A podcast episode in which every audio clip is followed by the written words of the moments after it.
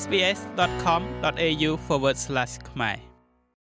របាយការណ៍ថ្មីមួយកំពុងតែអំពាវនាវឲ្យធនាគារជួយបន្ទប់បង្អាក់អំពើហិង្សាក្នុងគ្រួសារនៅក្នុងប្រទេសអូស្ត្រាលី ដោយការរចនាផលិតផលធនាគារឡើងវិញ ដើម្បីការពារកុំឲ្យមានការរំលោភបំពានផ្នែកហិរញ្ញវត្ថុមជ្ឈមណ្ឌលសម្រាប់សវត្ថភាពសេដ្ឋកិច្ចរបស់ស្ត្រីនិយាយថារបាយការណ៍នៃការរចនាដើម្បីបន្ទប់បង្អាក់ ឬក៏ design to disrupt បានចេញនៅអនុសាសន៍ជាច្រើនហោហែសម្រាប់ធនាគារដើម្បីធ្វើឲ្យជនល្មើសកាន់តែពិបាកនៅក្នុងការប្រើប្រាស់ការរំលោភបំពានផ្នែកហិរញ្ញវត្ថុយកមកធ្វើជាយុទ្ធសាស្ត្រនៃការគ្រប់គ្រងដោយបង្ខិតបង្ខំ So we together say no to domestic ដូច្នេះយើងរួមគ្នានិយាយថាទេ ចំពោះអំពើហិង្សាក្នុងគ្រួសារសូមអរគុណ នោះគឺជាសម្លេងរបស់មេដឹកនាំសាសនាម្នាក់នៅក្នុងចំណោមមេដឹកនាំសាសនារាប់សិបនាក់ដែលបានប្រមូលផ្ដុំគ្នានៅឯសភារដ្ឋ New South Wales ដោយបានសន្យាថានឹងមានការបដិញ្ញាចិត្តរួមគ្នានៅក្នុងការបញ្ចប់អំពើហិង្សាក្នុងគ្រួសារ។របាយការណ៍ថ្នាក់ជាតិថ្មីមួយកំពុងតែអំពាវនាវឲ្យធនាគារបង្អាក់អំពើហិង្សាក្នុងគ្រួសារនៅក្នុងប្រទេសអូស្ត្រាលី ដោយការរចនាផលិតផលឡើងវិញ ដើម្បីការពារការរំលោភបំពានផ្នែកហិរញ្ញវត្ថុ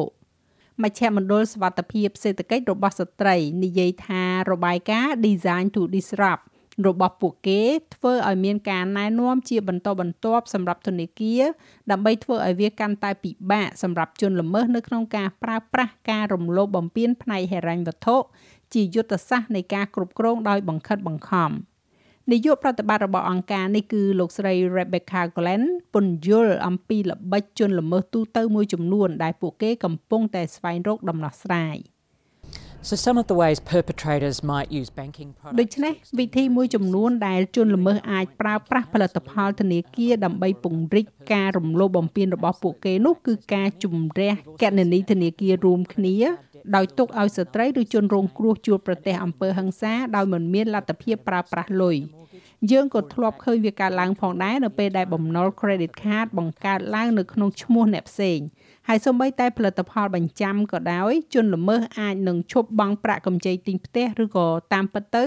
ដកប្រាក់ដែលអាចខ្ចីបានបន្ថែមពីគណនីទាំងអស់ដែលប្តីប្រពន្ធបានកសាងឬក៏សន្សំឡើងរួមគ្នា ផលិតផលធនាគារដែលប្រើប្រាស់ជាទូទៅសម្រាប់ការរំលោភបំពានផ្នែកហិរញ្ញវត្ថុនោះគឺប័ណ្ណឥណទានឬក៏យើងហៅថា credit card ហើយមួយទៀតនោះគឺគណនីប្រតិបត្តិការប្រាក់កម្ចីផ្ទាល់ខ្លួន និងកម្ចីទិញផ្ទះអ្នកនាង Shelly ដែលកំពុងតែប្រើប្រាស់ឈ្មោះคล้ายៗដើម្បីរក្សាភាពអនាមិកគឺជាជនរងគ្រោះម្នាក់នៃការរំលោភបំពានផ្នែកហិរញ្ញវត្ថុ អ្នកនាងនិយាយថាជនល្មើសរបស់នាង បានផ្អាកការបង់ប្រាក់សងត្រឡប់ទៅឲ្យធនាគារវិញ ទាំងផ្ទះដែលក្រុមគ្រួសារនាងកំពុងរស់នៅ និងអចលនទ្រព្យសម្រាប់វិនិយោគ It was something that I had no control over.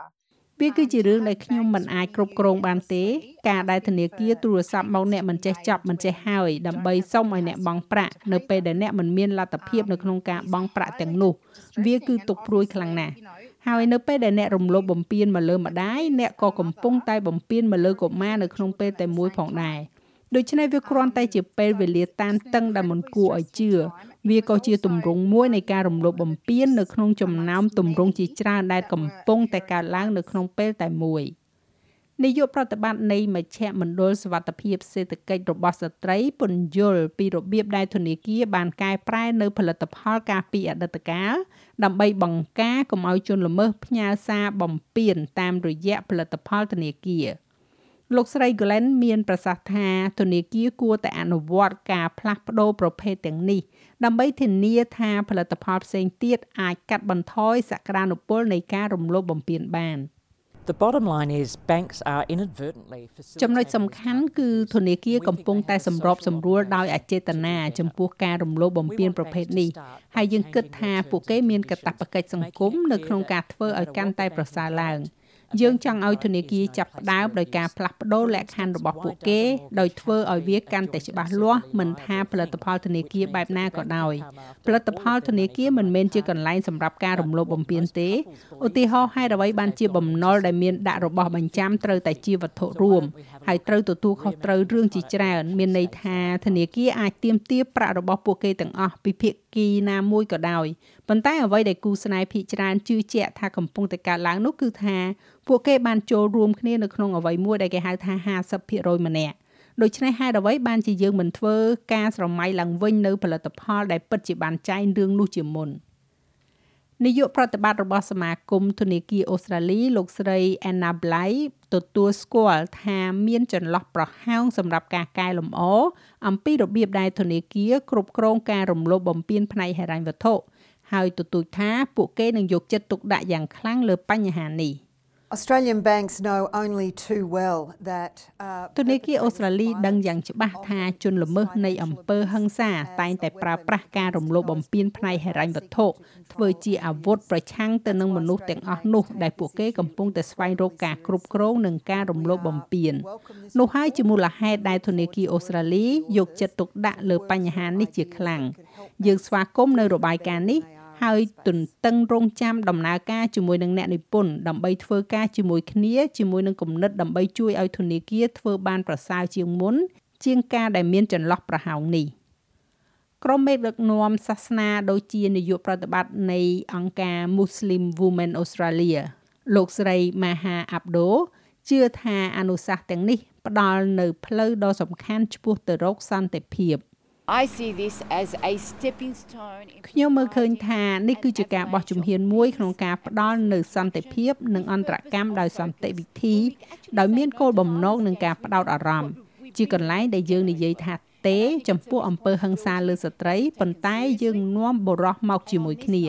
ខ្ញុំគិតថាវាគឺជាទំនួលខុសត្រូវរបស់យើង បានយកចិត្តទុកដាក់យ៉ាងខ្លាំងហើយនៅលើកំណត់សម្គាល់នេះខ្ញុំឃើញថាជំនឿដែលយើងប្រើជាឧបករណ៍សម្រាប់ពង្រឹងអំណាចឥឡូវនេះហើយជនរងគ្រោះដូចជាអ្នកនាង Shelley និយាយថាធនាគារចាំបាច់ត្រូវតែជូនជាដំណឹង។ I really don't want other women to have to go through what I did ខ្ញុំពិតជាមិនចង់ឲ្យស្ត្រីផ្សេងទៀតត្រូវឆ្លងកាត់នៅអ្វីដែលខ្ញុំបានឆ្លងកាត់ហើយនោះទេខ្ញុំចង់ឲ្យធនាគារទទួលស្គាល់ថា ពួកគេអាចត្រូវបានគេប្រើប្រាស់ជាទម្រង់និងឧបករណ៍សម្រាប់ការរំលោភបំពានហើយយើងត្រូវការឲ្យពួកគេបង្កើននិងផ្លាស់ប្ដូរគោលនយោបាយនិងលក្ខខណ្ឌរបស់ពួកគេនិងលក្ខខណ្ឌឲ្យអ្វីអ្វីផ្សេងផ្សេងទៀតដែលចាំបាច់ ហើយបញ្ឈប់រឿងនេះកុំឲ្យកើតឡើងចំពោះស្ត្រីផ្សេងទៀតសម្រាប់ស្ត្រីនៅក្នុងគោលជំហរដូចនេះចូលនិយាយចេញមកហើយឲ្យធនាគារដឹងឬក៏ប្រព័ន្ធអ្វីផ្សេងទៀតក៏ដោយដែលអ្នកកំពុងតែជួបដោះស្រាយនោះដាក់ស្លាកវាថាជាអ្វីក៏បាន វាជាការរំលោភបំពានហើយនិយាយចំចំការដែលនិយាយថាខ្ញុំត្រូវការជំនួយរបស់អ្នកដើម្បីបញ្ឈប់ការរំលោភបំពាននេះតើអ្នកអាចធ្វើអ្វីខ្លះដើម្បីជួយខ្ញុំ។ ចាប់តាំងពីឆ្នាំ2020មកធនាគារអូស្ត្រាលីបានស្ទាក់ចាប់ប្រតិបត្តិការរំលោភបំពានបានជាង5សែនប្រតិបត្តិការដោយអ្នកតស៊ូមតិបានចង្អុលបង្ហាញថានេះគឺជាឧទាហរណ៍នៃអ្វីដែលធនាគារអាចសម្រេចបាន នៅក្នុងការទប់ស្កាត់ការរំលោភបំពានផ្នែកហិរញ្ញវត្ថុចាស់ហើយរបាយការណ៍នេះចងក្រងឡើងដោយ Massilia Ali និង Catriona Sturrat សម្រាប់ SBS News ហើយប្រែសម្រួលសម្រាប់ការផ្សាយរបស់ SBS ខ្មែរដោយនាងខ្ញុំហៃសុផារ៉ានីចូលចិត្តអ្វីដែលអ្នកស្ដាប់នេះទេ Subscribe SBS ខ្មែរនៅលើ Podcast Player ដែលលោកអ្នកចូលចិត្ត